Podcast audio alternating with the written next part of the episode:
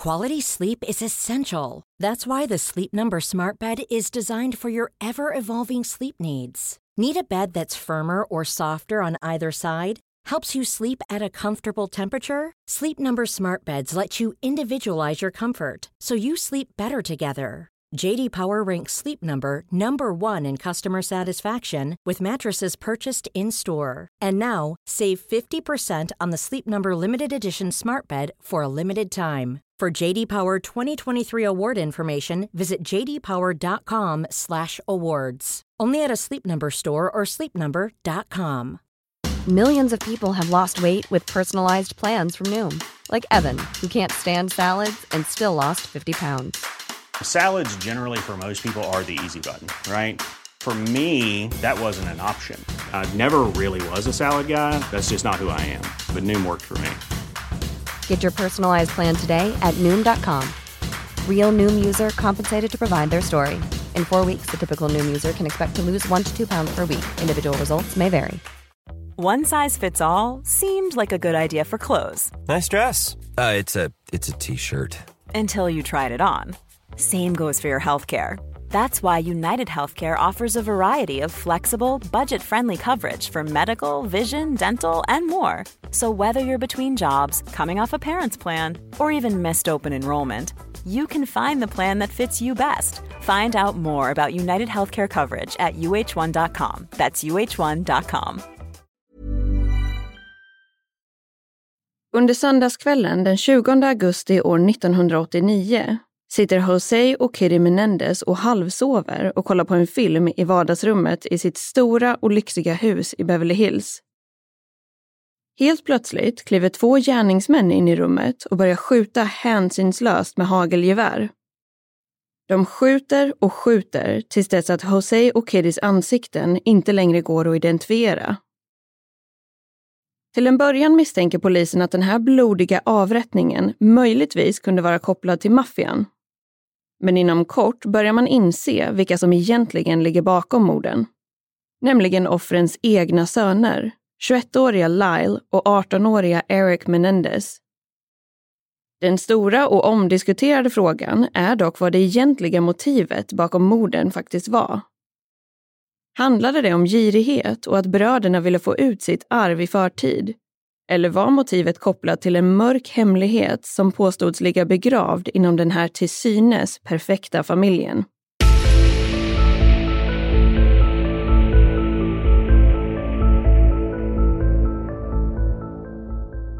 Hej och varmt välkomna ska ni vara till ännu ett avsnitt av Rysapodden. Och den här veckan kommer vi att gå in på ett av de kanske mest omtalade fallen i amerikansk brottshistoria. Nämligen fallet kring bröderna Lyle och Eric Menendez. Det ska däremot erkännas att vi inte alls hade speciellt bra koll på det här fallet. Utan det här kom in som ett önskemål från en av er lyssnare, Hanna Sjöstrand. Så stort tack till dig Hanna för att du hörde av dig med det här tipset för det här är ju verkligen en helt ofattbar historia som man definitivt borde ha haft lite bättre koll på. Ja, men det kan man nog absolut säga. För det här är ju ett fall som ofta nämns i samma mediala kategori som exempelvis fallet kring John Benet Ramsey och The Zodiac Killer. Det finns dock inte speciellt mycket mystik kring mordet på Jose och Kitty Menendez. Man vet nämligen med säkerhet att bröderna Lyle och Eric faktiskt utförde de här morden men det man inte riktigt vet eller förstår är varför. Utöver det så sändes brödernas första rättegång på tv, vilket var ganska så nytt och på många sätt chockerande under början av 90-talet när det här ägde rum. Ja, och sen finns det ju såklart massa andra detaljer och aspekter som gör att de här händelserna, tiden efteråt och själva rättegången blev så pass omtalad. Så jag tycker helt enkelt att vi tar och kör igång med den extremt omtalade historien kring de här två bröderna och de brutala och hänsynslösa morden på Jose och Kitty Menendez.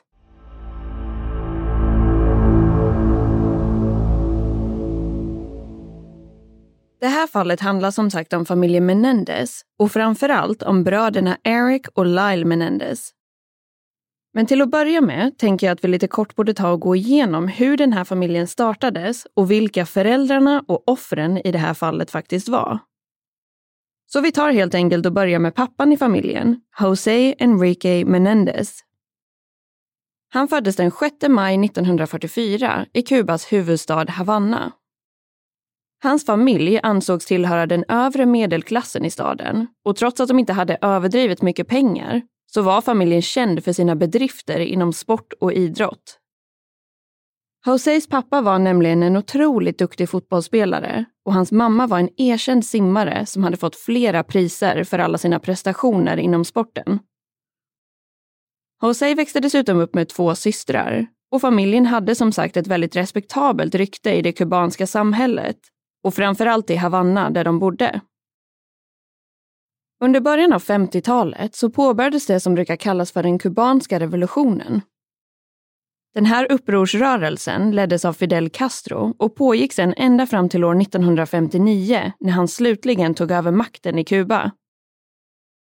I samband med att Fidel Castro kom till makten så genomfördes en hel del stora förändringar runt om i landet. Och det här resulterade bland annat i att många familjer blev av med sina bostäder och fastigheter. Joseis föräldrar insåg att deras liv och tillvaro i Kuba inte längre skulle vara detsamma och bestämde sig därför för att starta upp ett nytt liv i USA istället. Innan de själva tog sig dit så valde de dock att först och främst skicka iväg sin nu 16-åriga son Jose dit. När han väl anlände i sitt nya hemland så hade han väldigt ont om pengar och pratade ingen engelska överhuvudtaget. Men Jose kämpade på i skolan och jobbade dessutom extra för att kunna tjäna in pengar. Han var precis som sin mamma en oerhört skicklig simmare och till slut lyckades han därför ta sig in på Southern Illinois University genom ett idrottsstipendium.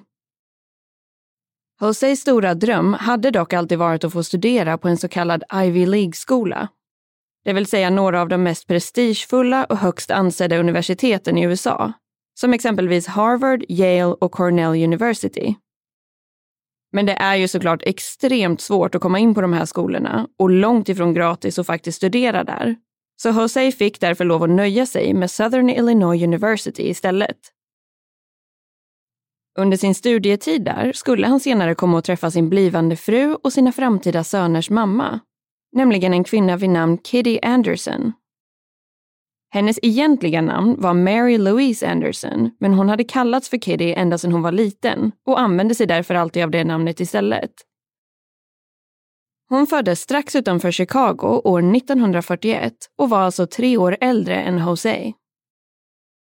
Katie växte upp tillsammans med sina föräldrar och tre syskon. Hennes pappa drev en framgångsrik butik i staden och hennes mamma var hemma och tog hand om alla barnen. Familjen Anderson verkade utåt sett som en lycklig och framgångsrik familj. Men så var det inte riktigt bakom stängda dörrar. Kittys pappa ska nämligen ha varit våldsam både mot sin fru och barnen och till slut valde han också att lämna sin fru för en annan kvinna. Den här skilsmässan tog väldigt hårt på Kitty eftersom att hon tydligt märkt av hur det här påverkade hennes mamma som ska ha blivit både deprimerad och extremt bitter efteråt. Det här ska ha lett till att Kitty växte upp i tron om att skilsmässa var något av det värsta som skulle kunna hända i en kvinnas liv och något som man absolut borde undvika till varje pris. År 1958 började Kitty studera vid Southern Illinois University där hon bland annat utvecklade ett intresse för radio och tv-produktion. Utöver det så deltog Kitty också i en del skönhetstävlingar under sina studieår hennes stora dröm i livet var dock att en dag flytta till New York för att jobba som producent eller regissör inom kommersiell radio och tv. När Kitty var inne på sitt sista studieår så träffade hon på den flitiga och ambitiösa studenten Jose Menendez. Han var ju tre år yngre än henne och hade precis börjat studera på samma universitet, så han var alltså bara inne på sitt första studieår när de träffades. Ganska direkt efter att Jose och Kitty träffades så var de mer eller mindre oskiljaktiga. Jose ansåg att Kitty var en viktig del i hans strävan om att uppnå den så kallade amerikanska drömmen. Hon var en vacker och smart ung kvinna som kom från en hårt arbetande och ambitiös amerikansk familj. I alla fall om man utgick ifrån hennes pappas framgång med sin butik snarare än hur det kanske faktiskt låg till med relationerna inom familjen. Kiddy å andra sidan lockades av Joseis driv och ambition och faktumet att han aldrig gav upp om sina drömmar trots flertalet motgångar i livet. Resten av samhället och deras respektive familjer var dock inte lika övertygade om att det här var en bra matchning. Det här var ju under tidigt 60-tal i den lilla staden Carbondale, Illinois. Och folk var därför inte särskilt öppensinnade eller accepterande kring relationer som stack ut på det här sättet. Det vill säga att Jose och Kitty kom från olika typer av bakgrunder och länder och faktumet att Kitty var ett par år äldre än Jose. Utöver det ska Kiddys familj ha varit skeptiska till att hon hade valt att spendera sitt liv tillsammans med en yngre kille från Kuba. Medan Joseis familj ska ha sett ner lite på Kiddy och hennes familj eftersom att hennes föräldrar var skilda. Men det unga paret hade bestämt sig för att de ville spendera resten av sina liv tillsammans. Och de valde därför år 1963 att rymma iväg och gifta sig i hemlighet. Vid det här laget var Kiddy 22 år gammal och Jose var bara 19 år gammal. Det här var precis i samband med att Kiddy hade tagit examen från universitetet och efter bröllopet så bestämde de sig för att flytta till New York. Jose hade ju däremot några år kvar innan han kunde ta sin examen och han valde därför att ge upp sitt idrottsstipendium på Southern Illinois University för att istället göra färdigt sin utbildning på Queens College i New York. Under tiden som han sen fortsatte med sina studier så började Kiddy jobba som lärare för att de skulle kunna försörja sig ordentligt. Även Jose jobbade extra vid sidan av sina studier som diskare på en restaurang. Kiddy hade ju som sagt en dröm om att plugga vidare och att en dag jobba inom radio och tv. Men den här drömmen fick hela tiden skjutas fram och läggas på is eftersom att fokus mer och mer hamnade på Joseis karriär och framgång. År 1967 var Jose nämligen helt färdig med sina universitetsstudier och var då utbildad revisor. Han fick snabbt jobb på en redovisningsbyrå och blev sen headhuntad av en av deras kunder i Chicago och började jobba som controller där istället. Så hans karriär hade redan nu börjat ta fart ordentligt och i och med den här nya tjänsten så flyttade paret tillbaka till Illinois. Vid det här laget hade den då 24-åriga Jose och 27-åriga Kitty också bestämt sig för att de var redo för att starta familj. Deras första son föddes den 10 januari år 1968 och fick namnet Joseph Lyle Menendez. Hans tilltalsnamn var däremot mellannamnet Lyle. I samband med att han föddes så valde Kiri att säga upp sig från sitt lärarjobb för att kunna vara hemma och ta hand om Lyle på heltid. Jose däremot jobbade på och fortsatte klättra upp för karriärstegen. Men efter en konflikt med ledningen på företaget som han jobbade för så valde han att börja se sig om efter nya möjligheter. Kort efter det här så accepterade han istället en högt uppsatt tjänst inom biluthyrningsföretaget Hertz. Det här innebar också att familjen nu behövde flytta igen och den här gången från Illinois till New Jersey, inte alltför långt ifrån deras tidigare hemstad New York. I slutet av 1970, mer exakt den 27 november, så föddes också parets andra son, Eric Galen Menendez. Familjen flyttade senare till ett lyxigt hus i staden Princeton i New Jersey. Och när det var dags för Lyle och Eric att börja skolan så blev de antagna till den exklusiva och extremt dyra privatskolan, Princeton Day School. Jose och Kitty hade stora planer och ambitioner för sina två söner och ställde därför höga krav på pojkarna redan från ung ålder. Jose kom ju från en familj med högpresterande atleter och han hade därför en dröm om att hans söner en dag skulle bli tennisproffs. Båda pojkarna deltog därför i mer eller mindre dagliga lektioner och träningstillfällen för att hela tiden utveckla sina färdigheter inom sporten. Föräldrarna och framförallt Jose hade också extremt höga krav på sönerna gällande deras akademiska prestationer. Han själv hade ju slitit och jobbat väldigt hårt för att komma dit han var idag och han ville därför att Lyle och Eric skulle gå i hans fotspår och en dag bygga sina egna framgångsrika karriärer. Redan från ung ålder så insåg dock både Eric och Lyle att det skulle bli svårt, om inte omöjligt, att faktiskt kunna göra sin pappa nöjd. Han ville nämligen alltid att de skulle bli bättre, smartare och starkare inom alla områden och uppgifter som de tog sig an. Jose fortsatte arbeta hårt för att uppnå den amerikanska drömmen om framgång. Och vid 35 års ålder blev han utsedd till global verkställande direktör för Hertz.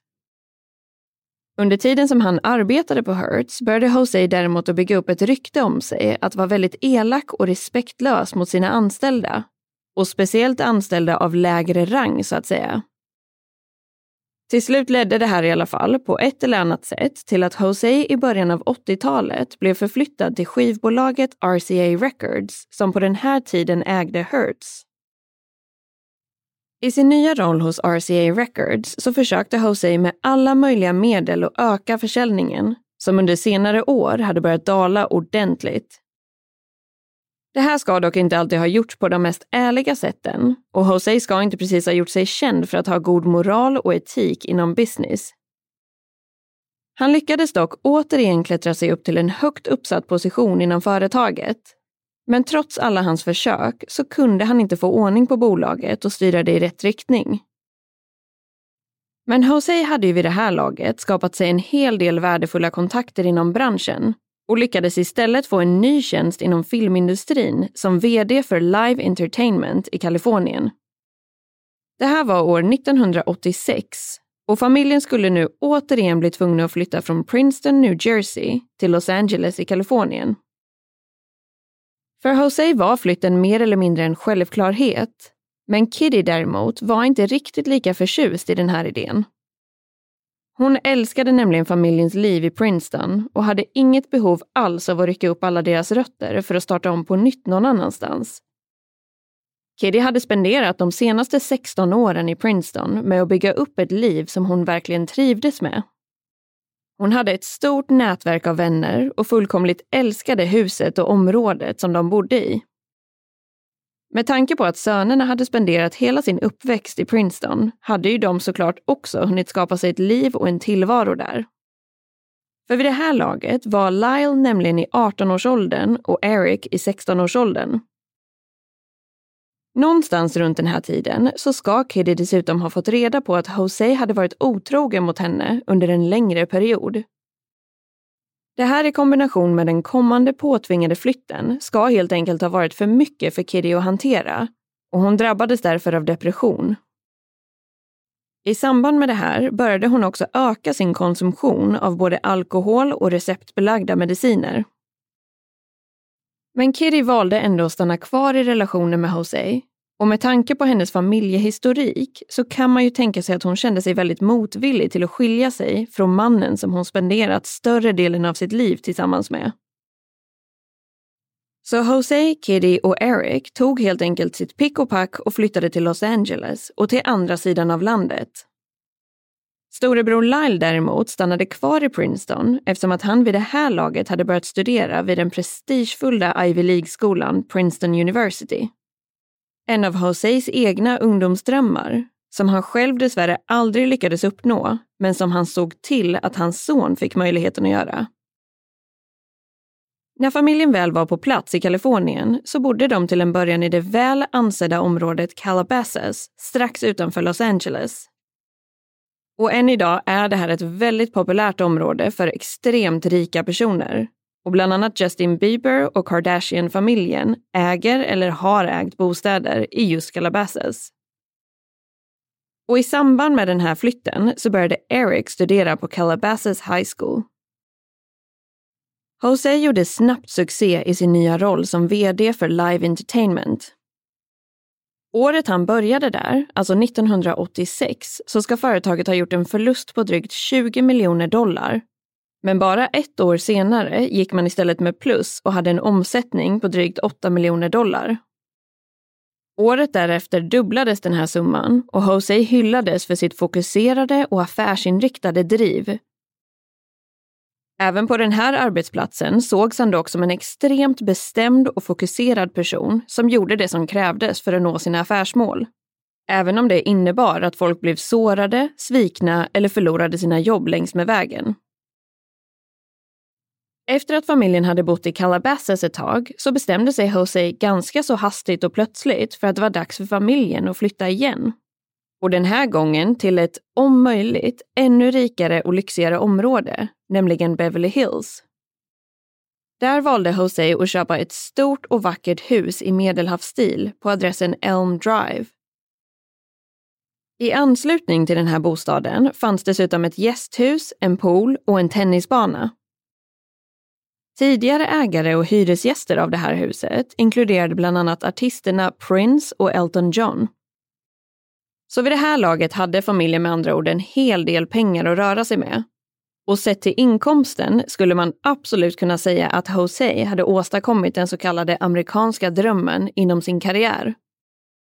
Han tjänade enligt uppgift runt 500 000 dollar om året i grundläggande lön och hade utöver det möjlighet till en bonus på runt 850 000 dollar per år beroende på företagets resultat. Och då ska man också ha i åtanke att de här summorna givetvis också skulle vara betydligt högre idag tack vare inflationen sedan slutet av 80-talet. Det här gäller såklart för alla andra summor som vi kommer att nämna senare under avsnittet också, så det kan ju vara värt att ha i åtanke framåt. I samband med flytten till Beverly Hills så började Eric studera vid ännu en dyr och prestigefull skola, nämligen Beverly Hills High. Vid den här tidpunkten verkade det som att familjen Menendez hade allt man kunde önska i livet.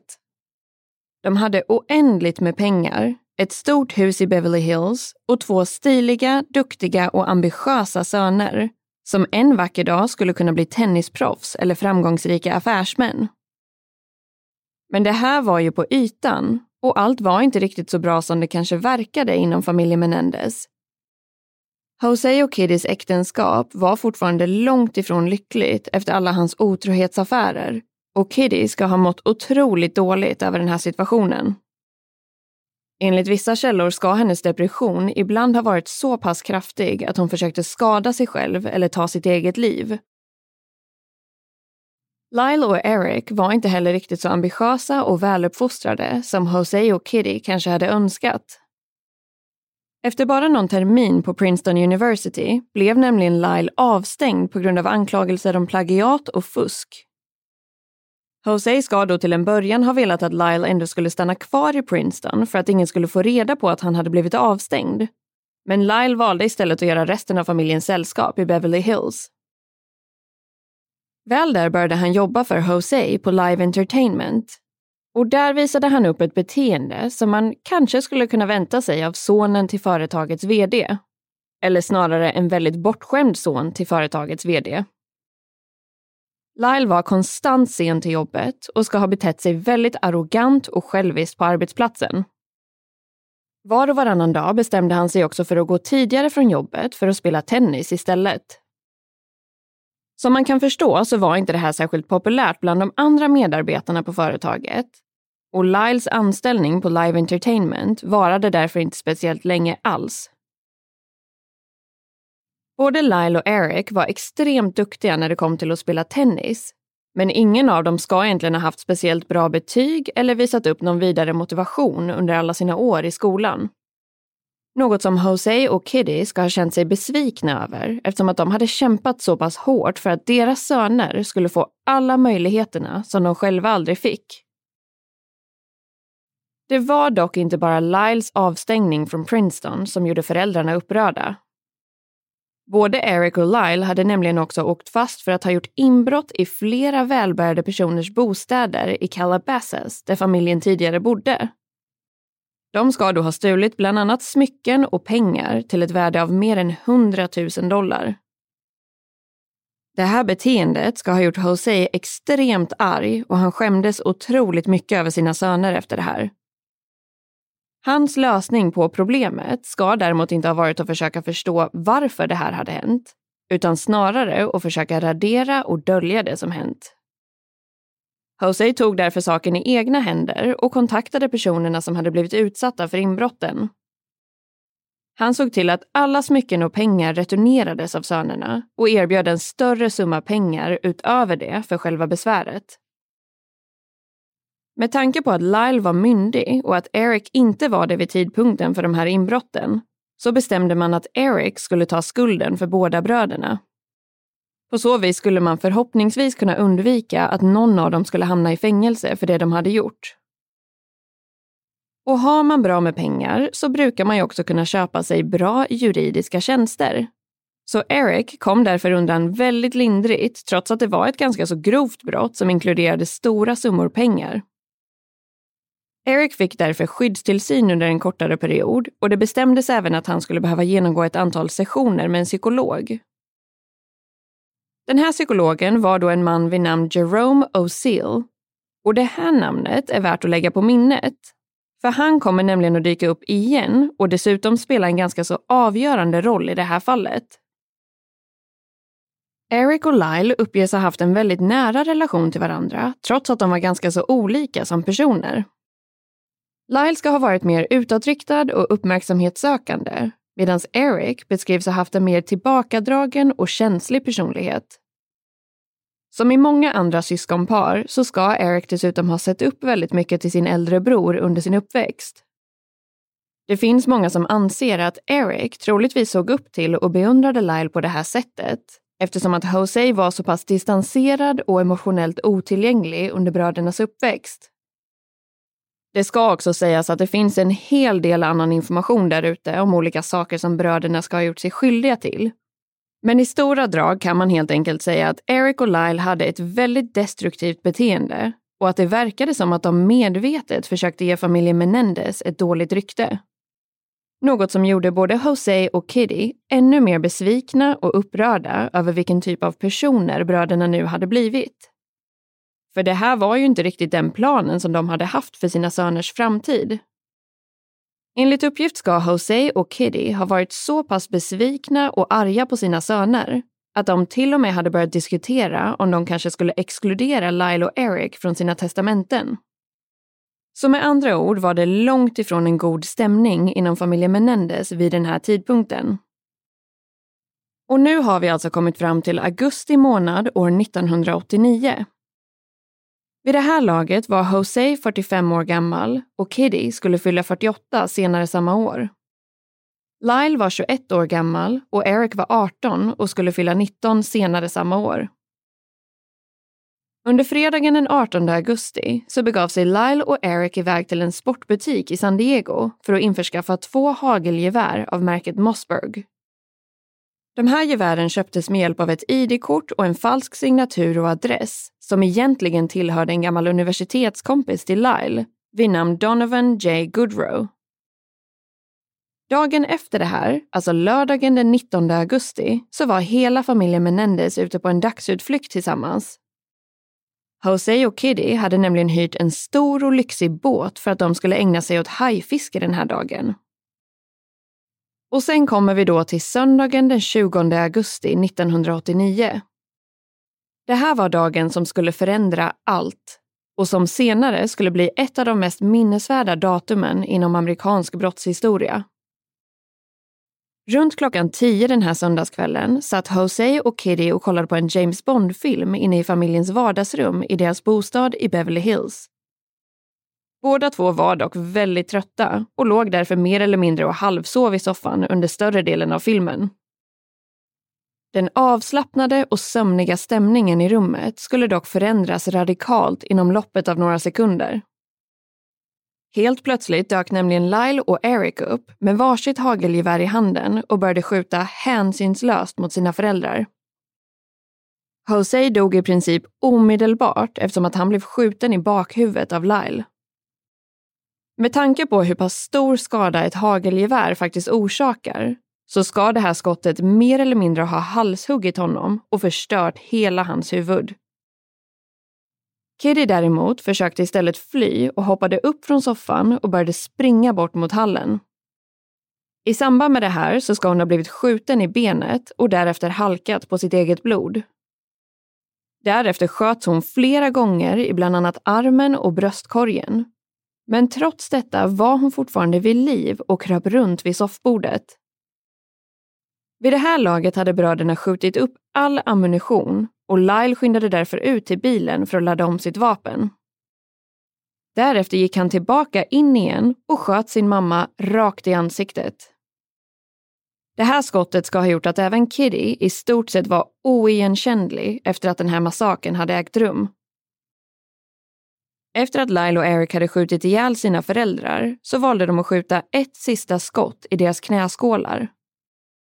Det här ska de enligt uppgift ha gjort för att skapa misstankar om att det här skulle ha kunnat vara ett maffiarelaterat dubbelmord.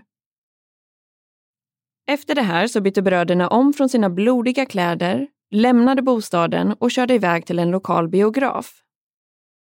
På vägen dit såg de till att göra sig av med hagelgevären längs med den kända vägsträckan Mulholland Drive. Syftet med att besöka biografen var främst för att de skulle köpa biljetter till en film för att kunna skapa sig ett alibi för den här kvällen. Efter besöket på bion så begav de sig vidare till en vin och matfestival där de mötte upp några vänner för att ytterligare stärka upp sitt alibi. Strax innan midnatt var de sedan återigen tillbaka vid familjens bostad i Beverly Hills. Vid klockan 23.47 så ringde Lyle upp polisen och berättade att han och hans bror Eric precis hade kommit hem och hittat sina föräldrar ihjälskjutna. Det här larmsamtalet finns att lyssna på lite överallt om man exempelvis googlar Menendez 911 call. Det ska dock sägas att det är ganska så dålig ljudkvalitet med tanke på att det var drygt 30 år sedan nu. Utöver det så är det också extremt svårt att höra vad som sägs i samtalet och speciellt vad Lyle säger. Under det här telefonsamtalet är han nämligen helt hysterisk och han skriker och gråter och uttalar fraser som är nästintill omöjliga att förstå. Men med en väldigt ynklig och gråtande röst lyckas han i alla fall få fram att någon har skjutit ihjäl hans mamma och pappa.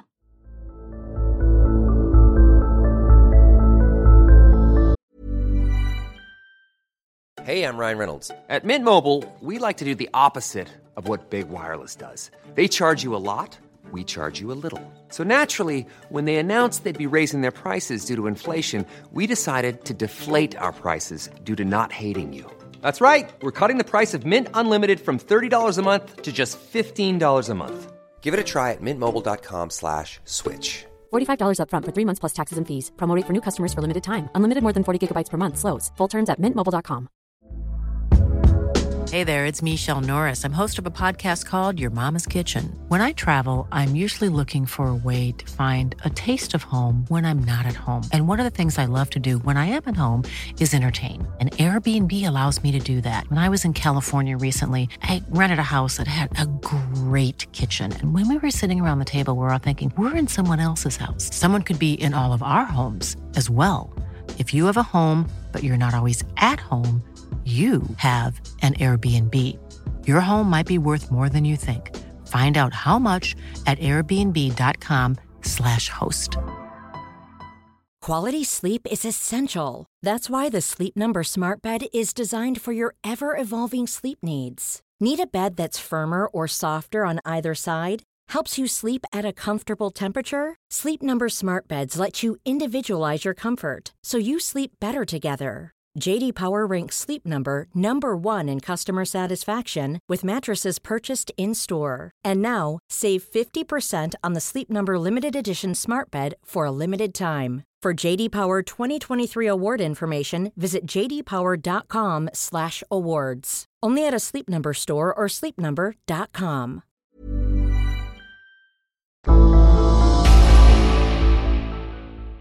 Det märks ganska så tydligt att den kvinnliga larmoperatören blir väldigt chockad och förvirrad över att ta emot den här typen av samtal.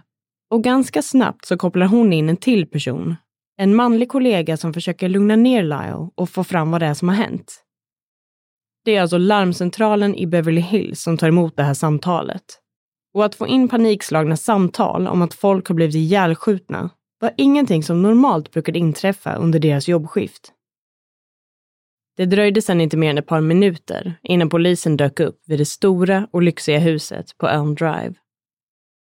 Väl på plats så möttes polisen av de två panikslagna unga killarna som grät hysteriskt och tröstade varandra utanför huset. Grannar i området har uppgett att de minns hur Eric låg och grät i fosterställning ute i trädgården. En annan detalj som kom fram senare var också att flera av grannarna ska ha hört skotten avfyras tidigare under kvällen. Men de ska då ha trott att det var några ungdomar som lekte med fyrverkerier. Återigen så var ju det här Beverly Hills och de flesta som bodde där hade nog inte speciellt bra koll på hur en skottlossning låter. Det finns till och med uppgifter om att ungefär två mord per år ägde rum i Beverly Hills under slutet av 80-talet. Brottslighet och mord var såklart betydligt vanligare i många andra delar av LA, men inte i just det här området. Så även polisen var såklart chockade över att de nu hade kallats in till tjänst för att ta hand om just ett dubbelmord. Brödernas teatraliska prestation var till och med så pass övertygande att polisen inte ens bemödade sig med att testa deras händer och kläder för potentiella spår av skottrester. Något som annars brukar vara ganska så standard att göra på den eller de personer som upptäckt offer som blivit skjutna. Det finns dock misstankar om att det här inte bara hade att göra med deras beteende och faktumet att bröderna verkade genuint upprörda. Många tror nämligen att polisen helt enkelt bara antog att de här unga, rika och stiliga männen inte kunde haft någonting att göra med ett så här pass brutalt dubbelmord. Men det här felaktiga antagandet gjorde ju istället att utredningen saktades ner betydligt mer än nödvändigt. Och om polisen hade gjort allt enligt regelboken den här natten så skulle man troligtvis ha kunnat gripa både Lyle och Eric ganska direkt efteråt. Bröderna blev dock intervjuade av polisen för att lämna uppgifter om hur kvällen och natten hade gått till. Och framför allt kring alla detaljer kopplade till upptäckten av deras döda föräldrar inne i huset.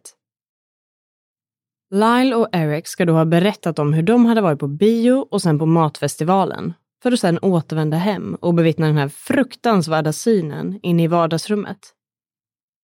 En detalj som de nämnde var då faktumet att det skulle ha varit rökigt inne i rummet när de kom in och att de misstänkte att det här måste ha varit från alla avlossade skott. Polisen tyckte att det här lät lite märkligt eftersom att den typen av rök oftast försvinner väldigt snabbt efter en skottlossning. Men de hade fortfarande ingen egentlig anledning att misstänka bröderna och lät dem därför släppas iväg på fri fot medan man fortsatte utredningen kring de brutala morden på Jose och Kitty.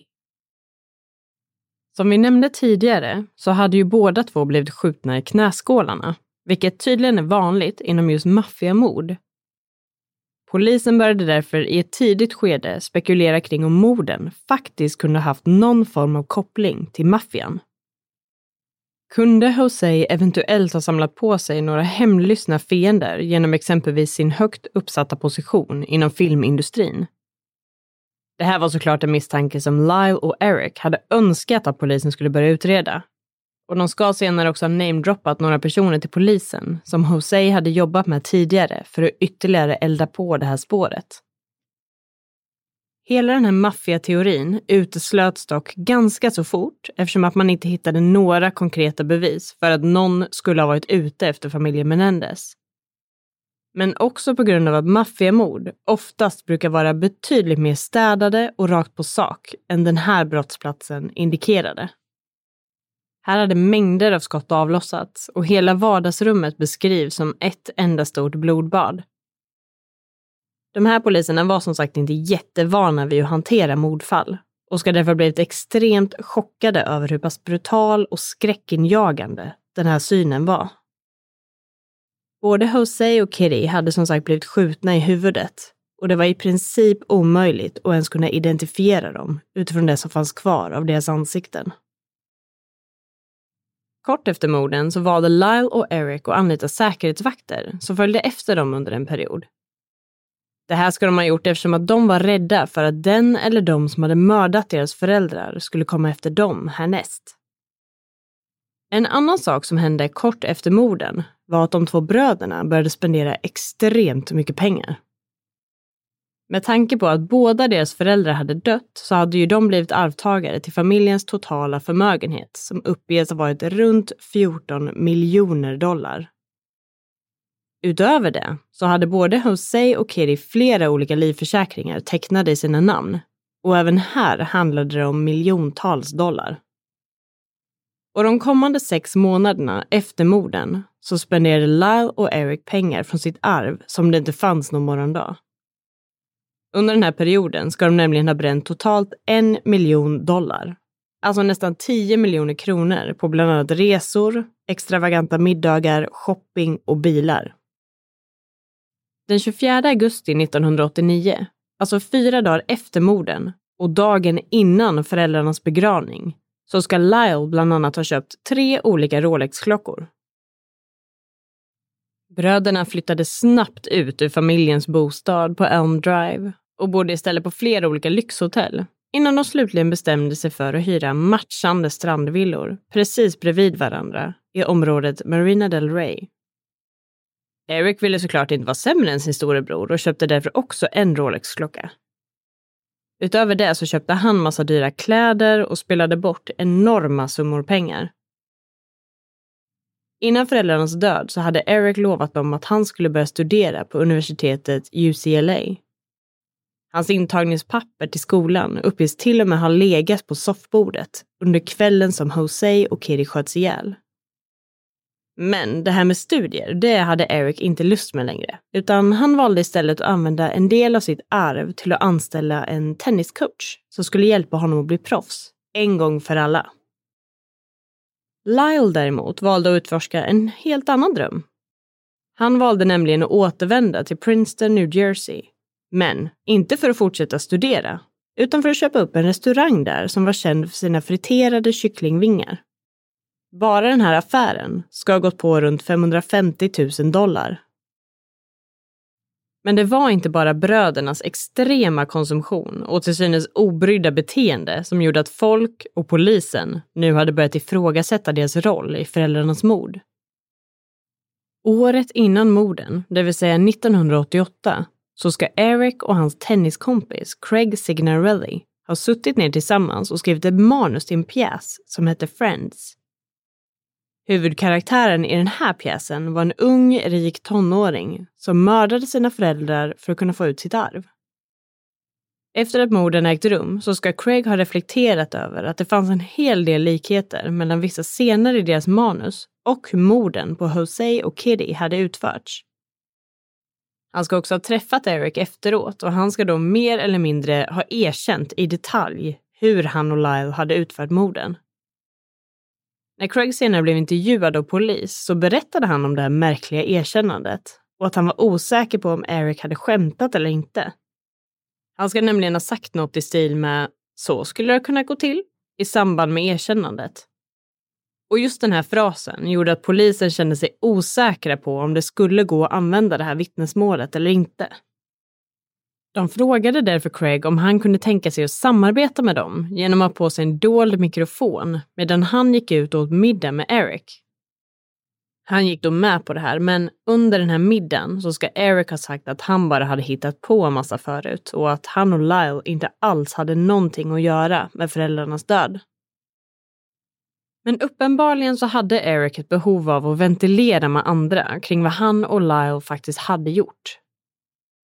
Det här ledde senare till ett andra erkännande från hans sida. Och den här gången var det till hans psykolog. Och nu kommer vi tillbaka till det här namnet som vi nämnde lite tidigare, nämligen Jerome O'Seal. Det här var ju alltså den psykologen som Eric började träffa i samband med att bröderna åkte fast för inbrottet i Calabasas. Vid ett av sina besök hos Jerome så ska Eric helt enkelt ha brutit ihop och erkänt att det var han och Lyle som hade mördat Jose och Kitty. Jerome ska då ha blivit extremt chockad och kontaktat sin chef för att få råd om hur han borde hantera den här typen av situation. Han fick då rådet att spela in samtalen med Eric vid nästa tillfälle och att förvara flera kopior av erkännandet på olika ställen. Jerome ska också ha sagt att han gärna ville hjälpa både Eric och Lyle med att bearbeta det här och försöka förstå varför det hade hänt. Lyle ska därför också ha besökt Jeromes kontor efter det här. Men när han fick reda på att Eric faktiskt hade erkänt allt i detalj för Jerome så ska han ha blivit vansinnig. Enligt ett vittne som vi kommer in på strax här så ska Lyle ha skrikit någonting i stil med “Jag kan inte fatta att du har berättat allt för honom. Nu måste vi ju döda honom också. Erics respons ska då ha varit följande. Jag kan inte stoppa dig från att göra det som behövs, men jag klarar inte av att döda igen. Och det här vittnet som jag precis nämnde var en kvinna vid namn Judalon Smith. Och hon hade under den här tiden en hemlig affär med psykologen Jerome O'Seal. Efter det första erkännandet från Eric så ska Jerome ha varit så upprörd att han var tvungen att berätta för henne om vad det var som hade hänt under deras session och att Eric Menendez hade erkänt sig skyldig till morden. Han ska sedan ha bett henne att gömma sig i ett annat rum på kontoret under nästa session. Och det ska ha varit då som hon hörde Lyle och Eric skrika på varandra och att Lyle dessutom hade hotat med att de skulle döda Jerome. Hon ska ha sagt till Jerome att de måste gå till polisen med det här. Men han ska ha känt sig orolig för att bryta mot skyldigheten kring sekretess och tystnadsplikt gentemot sin patient. Men ett tag senare så avslutades deras relation och Judelon bestämde sig då för att själv kontakta polisen. Och det här gjorde hon precis i början av mars år 1990. Hon berättade då om allt och om faktumet att Jerome hade spelat in större delen av deras sessioner och brödernas erkännande. Polisen beslagtog alla inspelade band från Jeromes kontor. Och kort efter det här, den 8 mars 1990, så greps Lyle för morden på Jose och Kitty Menendez. Vid det här tillfället så råkade Eric befinna sig i Israel för en tennistävling. Men när han fick höra om att Lyle hade gripits så valde han att komma hem och överlämna sig själv till polisen. Han greps därför bara ett par dagar senare, den 11 mars 1990, drygt ett halvår efter att morden ägde rum. Bröderna satt därefter anhållna på olika platser inför rättegången utan någon möjlighet att kunna släppas mot borgen. I augusti 1990 uttalade sig den ansvariga domaren om att inspelningarna från Jerome O'Seals sessioner skulle tillåtas som bevismaterial under den kommande rättegången. Normalt skulle de inte göra det på grund av tystnadsplikten mellan psykolog och patient. Men med tanke på att Lyle hade dödshotat Jerome så gällde inte den här regeln längre. Det här beslutet överklagades sen och processen och förhandlingarna kring de här inspelningarna höll därefter på i drygt två år. Så i augusti 1992 beslutades att större delen av inspelningarna skulle få användas som bevis under rättegången. Och i december 1992 blev båda bröderna officiellt åtalade för morden på sina föräldrar. Det beslutades att de skulle genomgå en delad rättegång med samma domare men däremot med två separata jurys. Ett typ av upplägg som inte är speciellt vanligt förekommande. Och när den här rättegången väl drog igång i juli år 1993 så var det långt ifrån en privat eller diskret process. Domaren valde nämligen att låta media filma och rapportera från rättssalen, vilket var ganska så ovanligt på den här tiden. Det här var ju långt innan man kunde ta del av obegränsat innehåll av true crime på sin fritid. Och allt kring det här fallet fängslade allmänheten. Rättegången sändes via tv-kanalen Courtroom Television Network, eller Court TV. Och det amerikanska folket satt som klistrade framför sina tv-apparater. Både Lyle och Eric använde sig av den omtalade försvarsadvokaten Leslie Abramson hon var redan innan det här känd för att vara stenhård och väldigt bestämd i sitt yrke. Under rättegången fortsatte detaljerna kring det här fallet att chockera. Lyle och Eric öppnade nämligen upp sig om att de hade mördat sina föräldrar i självförsvar efter att ha blivit utsatta för olika typer av psykiskt och fysiskt våld under större delen av sin barndom och uppväxt. De vittnade också om att främst Jose, men till viss del även Kitty, ska ha utsatt dem för sexuella övergrepp vid otaliga tillfällen från en väldigt ung ålder. Och det finns en hel del olika information om exakt vad de här sexuella övergreppen ska ha inneburit, men vi har gjort ett aktivt val om att inte gå in på alla de här detaljerna. Men brödernas försvar gick i stort sett ut på att måla upp en bild av att Jose var en kontrollerande, dominerande och hänsynslös pedofil och att Kitty var mentalt instabil och beroende av både droger och alkohol. Att hon framförallt möjliggjorde Joseis beteende, men ibland också själv medverkade i genomförandet av både övergreppen och misshandeln. Och med tanke på att vi inte har tagit del av allt material som finns från rättegången så är det ju svårt att uttala sig om hur troligt det här argumentet kändes för åhörarna. Men det verkar som att det fanns personer som vittnade både för och emot alla de här anklagelserna som lades fram mot Jose och Kitty. Vilket såklart gjorde det väldigt svårt att veta vad som faktiskt stämde och inte. När Lyle och Eric vittnade så berättade de sin egen historia om hur morden hade gått till och framförallt varför de hade valt att mörda sina egna föräldrar. För vid det här laget så var det ju uppenbart att de var skyldiga och de hade till och med erkänt att de låg bakom morden innan själva rättegången. Så den stora diskussionen handlade nu främst om vad deras motiv hade varit, vilket också skulle spela en avgörande roll i vilket straff de skulle kunna dömas till. Och bröderna hävdade som sagt att de hade mördat sina föräldrar i självförsvar. I sina vittnesmål så berättade de om att det som slutligen ledde upp till morden egentligen hade börjat i mitten av augusti 1989. Då ska nämligen Kitty och Lyle ha börjat bråka med varandra och hon ska i stundens hetta ha blivit så arg att hon slet av Lyles specialgjorda tupé. Eric ska då ha sett det här och blivit chockad över att hans bror använde en tupé eftersom att han själv inte visste om det. Efter det här så ska bröderna ha pratat ut och öppnat upp om både det ena och det andra. Däribland all den misshandel och alla fruktansvärda övergrepp som de hade blivit utsatta för under alla dessa år. Eric ska då ha berättat för Lyle om att Jose hade utsatt honom för sexuella övergrepp mer nyligen. Och inte bara när han var liten. Det här ska då ha varit droppen för bröderna och de ska sedan ha konfronterat Jose tillsammans och hotat med att avslöja allting för deras vänner och bekanta.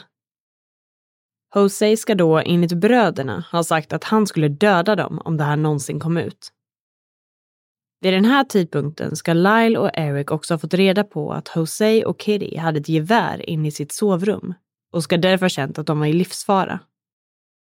Det här ska sedan ha varit anledningen till att de ett par dagar senare åkte iväg till San Diego för att införskaffa de två hagelgevären med hjälp av Lyles kompis ID-kort. Polisen hade nämligen kunnat bekräfta att personen vars ID de hade använt inte alls var inblandad och att han hade jobbat hela den dagen. Under söndagen den 20 augusti 1989 ska sedan allt ha ställts på sin spets. Bröderna ska då återigen ha bråkat med sina föräldrar och Jose ska sedan ha stängt igen dörren till vardagsrummet där han och Kitty satt. Att stänga igen just den här dörren ska ha varit väldigt ovanligt i hemmet. Och Lyle och Eric ska därför blivit extremt paranoida och känt på sig att de nu skulle bli mördade av sina föräldrar. Och kort efter det här så ska själva ögonblicket ha inträffat då bröderna klev in i vardagsrummet och började skjuta hänsynslöst mot Jose och Kitty tills dess att de båda dog. Så sammanfattningsvis kan man säga att försvaret främst handlade om hur både Lyle och Eric hade vuxit upp under fruktansvärda omständigheter, oavsett hur mycket pengar familjen hade. Och själva anledningen till att de mördade sina föräldrar uppgavs alltså vara en kombination av åratal av trauma i form av olika typer av misshandel och övergrepp och faktumet att de var rädda för att deras föräldrar återigen skulle skada dem eller till och med mörda dem under kvällen den 20 augusti. En sak som blev väldigt omtalad under den här rättegången var hur brödernas försvarsadvokat behandlade och mer eller mindre stylade Lyle och Eric. Snarare än att bära mer dressade kostymer eller kavajer under rättegången så sågs de istället ofta bära lite mer preppy outfits och exempelvis olika pastellfärgade tröjor med en skjortkrage som stack upp under. Utöver det här så brukade Leslie ofta röra bröderna på ett sätt som har beskrivits som moderligt. Hon kunde bland annat klappa bröderna kärleksfullt på armen eller exempelvis rätta till deras outfits genom att ta bort lite ludd på deras tröjor. Under sina utläggningar refererade hon också till Lyle och Eric som “the boys”. Även att de båda två var myndiga när morden ägde rum och i början av 20-årsåldern när rättegången väl började. Det vill säga mer eller mindre vuxna män och inte alls boys eller unga pojkar. Det finns därför en hel del åsikter om att det här var en extremt medveten del av hennes försvar och att hon ville att juryn skulle se Lyle och Eric som unga, sårbara pojkar snarare än vuxna kriminella män. Det ska dock sägas att både Lyle och Erics egna vittnesmål på många sätt känns väldigt trovärdiga Och framförallt när de öppnar upp och pratar om de påstådda övergreppen som ska ha ägt rum. Och mycket av det här innehållet går såklart att ta del av, både som ljud och filmklipp eftersom att media hade tillåtelse att filma in i rättssalen. Men om de ljög under sina vittnesmål så kan man i alla fall konstatera att de var otroligt skickliga skådespelare.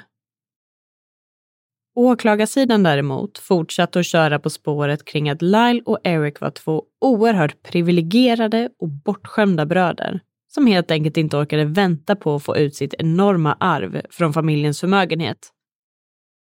Den här teorin var ju inte speciellt svår att försöka bevisa med tanke på hur bröderna hade betett sig i princip direkt efter morden och halvåret därefter innan de till slut greps av polis. Faktumet att de till exempel innan begravningen ens ägt rum skyndade iväg och köpte Rolex-klockor såg ju såklart inte så bra ut och fick dem absolut inte att framstå som speciellt empatiska personer. Många i deras närhet ska dock ha vittnat om att den här extrema konsumtionen och spenderandet av pengar inte var särskilt ovanligt för deras del. Men det fanns också vittnesmål om att Lyle kort efter att morden ägt rum ska ha raderat dokument från familjens dator som misstänktes ha varit uppdaterade versioner av Kitty och Joseis testamenten. Efter det här så ska han också ha anlitat en dataexpert för att säkerställa att det inte skulle gå att återskapa filerna som han hade raderat. Just de här uppgifterna verkar dock variera lite beroende på källa och verkar inte vara något som man helt och hållet har kunnat bekräfta eller bevisa. En annan sak som verkligen inte bidrog till ett ökat medlidande för bröderna var att folk påstod sig ha sett dem ge varandra en high five bakom kulisserna efter vissa delar av sina vittnesmål under rättegången. Det visade sig också att de här inspelningarna från psykologen Jerome O'Seals sessioner inte var till mycket hjälp alls under rättegången. Vilket såklart är lite ironiskt eftersom att man spenderade drygt två år med att bråka om ifall de skulle godtas som bevis eller inte. Men det enda som nämndes i de här var ju att morden hade ägt rum och att Lyle och Eric var skyldiga till morden, det visste man ju redan när rättegången väl drog igång. Däremot nämndes ingenting mer konkret om deras motiv för morden. Varken att det skulle ha varit kopplat till åratal av trauma och övergrepp, eller till pengar eller deras kommande arv. Så man kan ju säga att både försvaret och åklagarsidan hade en hel del rimliga förklaringar, vittnesmål och argument att komma med. Det här blev därför inte en enkel uppgift för varken Lyle eller Erics jury, som hade i uppgift att avgöra om bröderna skulle dömas till mord av första graden eller exempelvis dråp baserat på förmildrande omständigheter. När rättegången tog slut i januari 1994 blev resultatet därför en så kallad hung jury för både Lyle och Eric. Det vill säga att jurymedlemmarna hade så pass skilda åsikter att de inte kunde enas om ett beslut. Den ansvariga domaren beslutade därför att båda rättegångarna skulle anses ogiltiga och att bröderna nu skulle behöva gå igenom en ny rättegång. Den här gången skulle de dock prövas tillsammans framför en och samma jury. Utöver det så bestämde domaren att inga kameror och ingen media skulle få tillgång till att bevaka rättegången den här gången. Det bestämdes också av någon anledning att försvaret inte heller hade tillåtelse att fokusera så pass mycket på den påstådda historiken av misshandel och övergrepp inom familjen. Vilket i princip var det enda försvaret som Lyle och Eric hade i det här fallet. Juryn fick också till sig att det som skulle avgöra under den andra rättegången var om bröderna skulle anses som skyldiga till mord eller inte. Snarare än till exempel dråp som hade varit ett alternativ under den första rättegången. Men den andra rättegången för Menendez-bröderna drog alltså igång i augusti 1995 och avslutades i mars 1996. Den här gången var det uppenbarligen inte lika svårt för juryn att fatta ett beslut. Och i slutändan så dömdes både Lyle och Eric för mord av första graden på sina föräldrar Jose och Kitty Menendez. Straffet som utdelades blev livstids fängelse utan möjlighet till frigivning Juryn valde däremot att skona bröderna från dödsstraffet som var och fortfarande är aktivt i Kalifornien. Anledningen till det här ska däremot inte ha berott på de påstådda övergreppen, utan snarare faktumet att ingen av bröderna hade någon tidigare historik av våld eller något tidigare brottsregister. Den här juryn var med andra ord mer eller mindre övertygade om att Lyle och Eric mördade sina föräldrar på grund av pengar och att de helt enkelt bara ville få ut sitt arv tidigare. Efter att straffet utdelats så valde man att separera bröderna och skicka iväg dem till olika fängelser. Vid det här laget så hade Lyle hunnit bli 28 år gammal och Eric 25 år gammal. De hölls därefter separerade ända fram till april 2018 när Lyle flyttades över till samma anstalt som Eric befann sig på. I samband med att bröderna återförenades för första gången på drygt 22 år så ska de ha brustit ut i gråt och kramat om varandra. Både Lyle och Eric har försökt att överklaga sina domar eftersom att de fortfarande inte anser att de förtjänar att vara inlåsta i fängelse under resten av sina liv. De har dock skapat sig ett nytt typ av liv i fängelset och deltar bland annat i flera olika rehabiliteringsprogram och aktiviteter. Båda bröderna har dessutom hittat kärleken och gift sig under sin tid i fängelset. De här kärleksrelationerna ska ha påbörjats genom att en hel del kvinnor började skicka brev till bröderna i fängelset för att visa sitt stöd och att de sen började ha mer och mer kontakt med varandra efter det.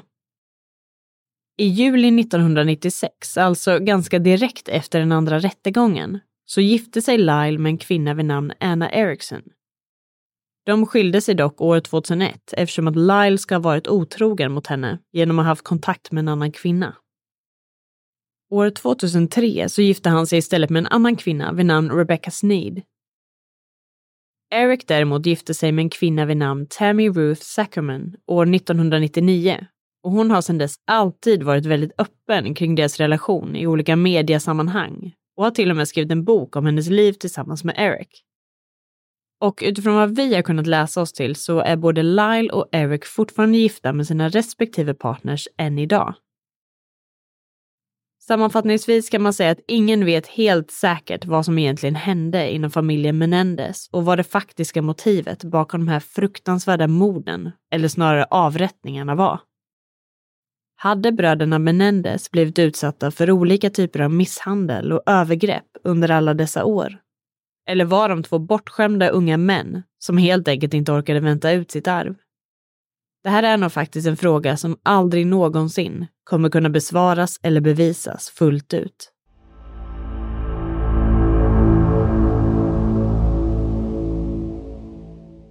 Något som är väldigt intressant i det här fallet är ju faktumet att det verkligen finns som två helt olika läger.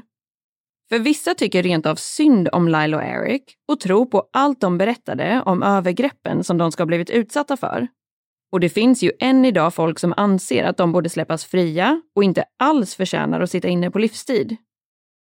Men sen finns ju också den andra sidan som tror att bröderna ljuger eller i alla fall överdriver om sin barndom och uppväxt och att de helt enkelt bara var två otroligt bortskämda killar som ville ha mer pengar och mer frihet. Ja, och det är ju väldigt svårt att veta vad det är som faktiskt stämmer. Men det känns ju oavsett som att någonting uppenbarligen försiggick inom familjen Menendez. Och även om allt såg bra ut på utsidan och hur mycket pengar de än hade så verkade ju ingen i familjen må särskilt bra. Men oavsett vad som eventuellt kan ha hänt Lyle och Eric så är ju såklart inte brutalt mord den bästa lösningen på problemet. Även om man såklart kan förstå ett sådant agerande betydligt mer om det var så att de hade blivit utsatta för olika typer av misshandel och övergrepp under större delen av sin uppväxt. Men som sagt, det är ju omöjligt för oss att veta hur det faktiskt ligger till och vad deras egentliga motiv var. Nej, men så är det ju verkligen. Och oavsett så kan man i alla fall förstå hur det här fallet blev så stort och varför det fick så pass mycket medial uppmärksamhet. Och det ska sägas att man lätt skulle kunna gräva ner sig i varenda liten detalj i det här fallet och göra en hel poddserie om det här, vilket många amerikanska poddar också har gjort. Det finns också flera olika filmatiseringar, dokumentärer och massa annat material där ute att ta del av, om man skulle vilja sätta sig in ännu mer i det här fallet. Men nu har ni i alla fall fått lite av en summering, så förhoppningsvis tyckte ni också att det här var intressant att ta del av. Ja, och om ni sitter på några andra intressanta ämnen eller fall som ni tror skulle passa här i podden så får ni mer än gärna höra av er till oss via Facebook eller Instagram där vi heter Rysapodden. Men nu har det faktiskt blivit dags att runda av för den här veckan. Och i vanlig ordning vill vi skicka med ett stort tack för att just du har valt att lyssna på det här avsnittet av Rysapodden.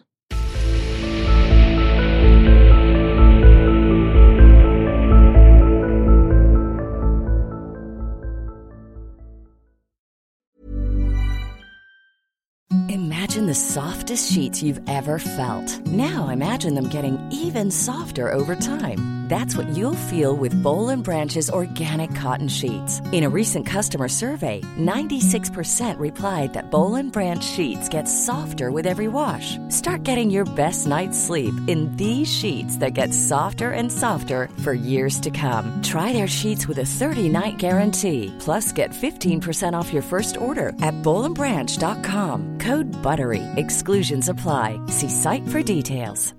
Hey, it's Paige DeSorbo from Giggly Squad. High quality fashion without the price tag. Say hello to Quince. I'm snagging high-end essentials like cozy cashmere sweaters, sleek leather jackets, fine jewelry, and so much more. With Quince being 50 to 80% less than similar brands.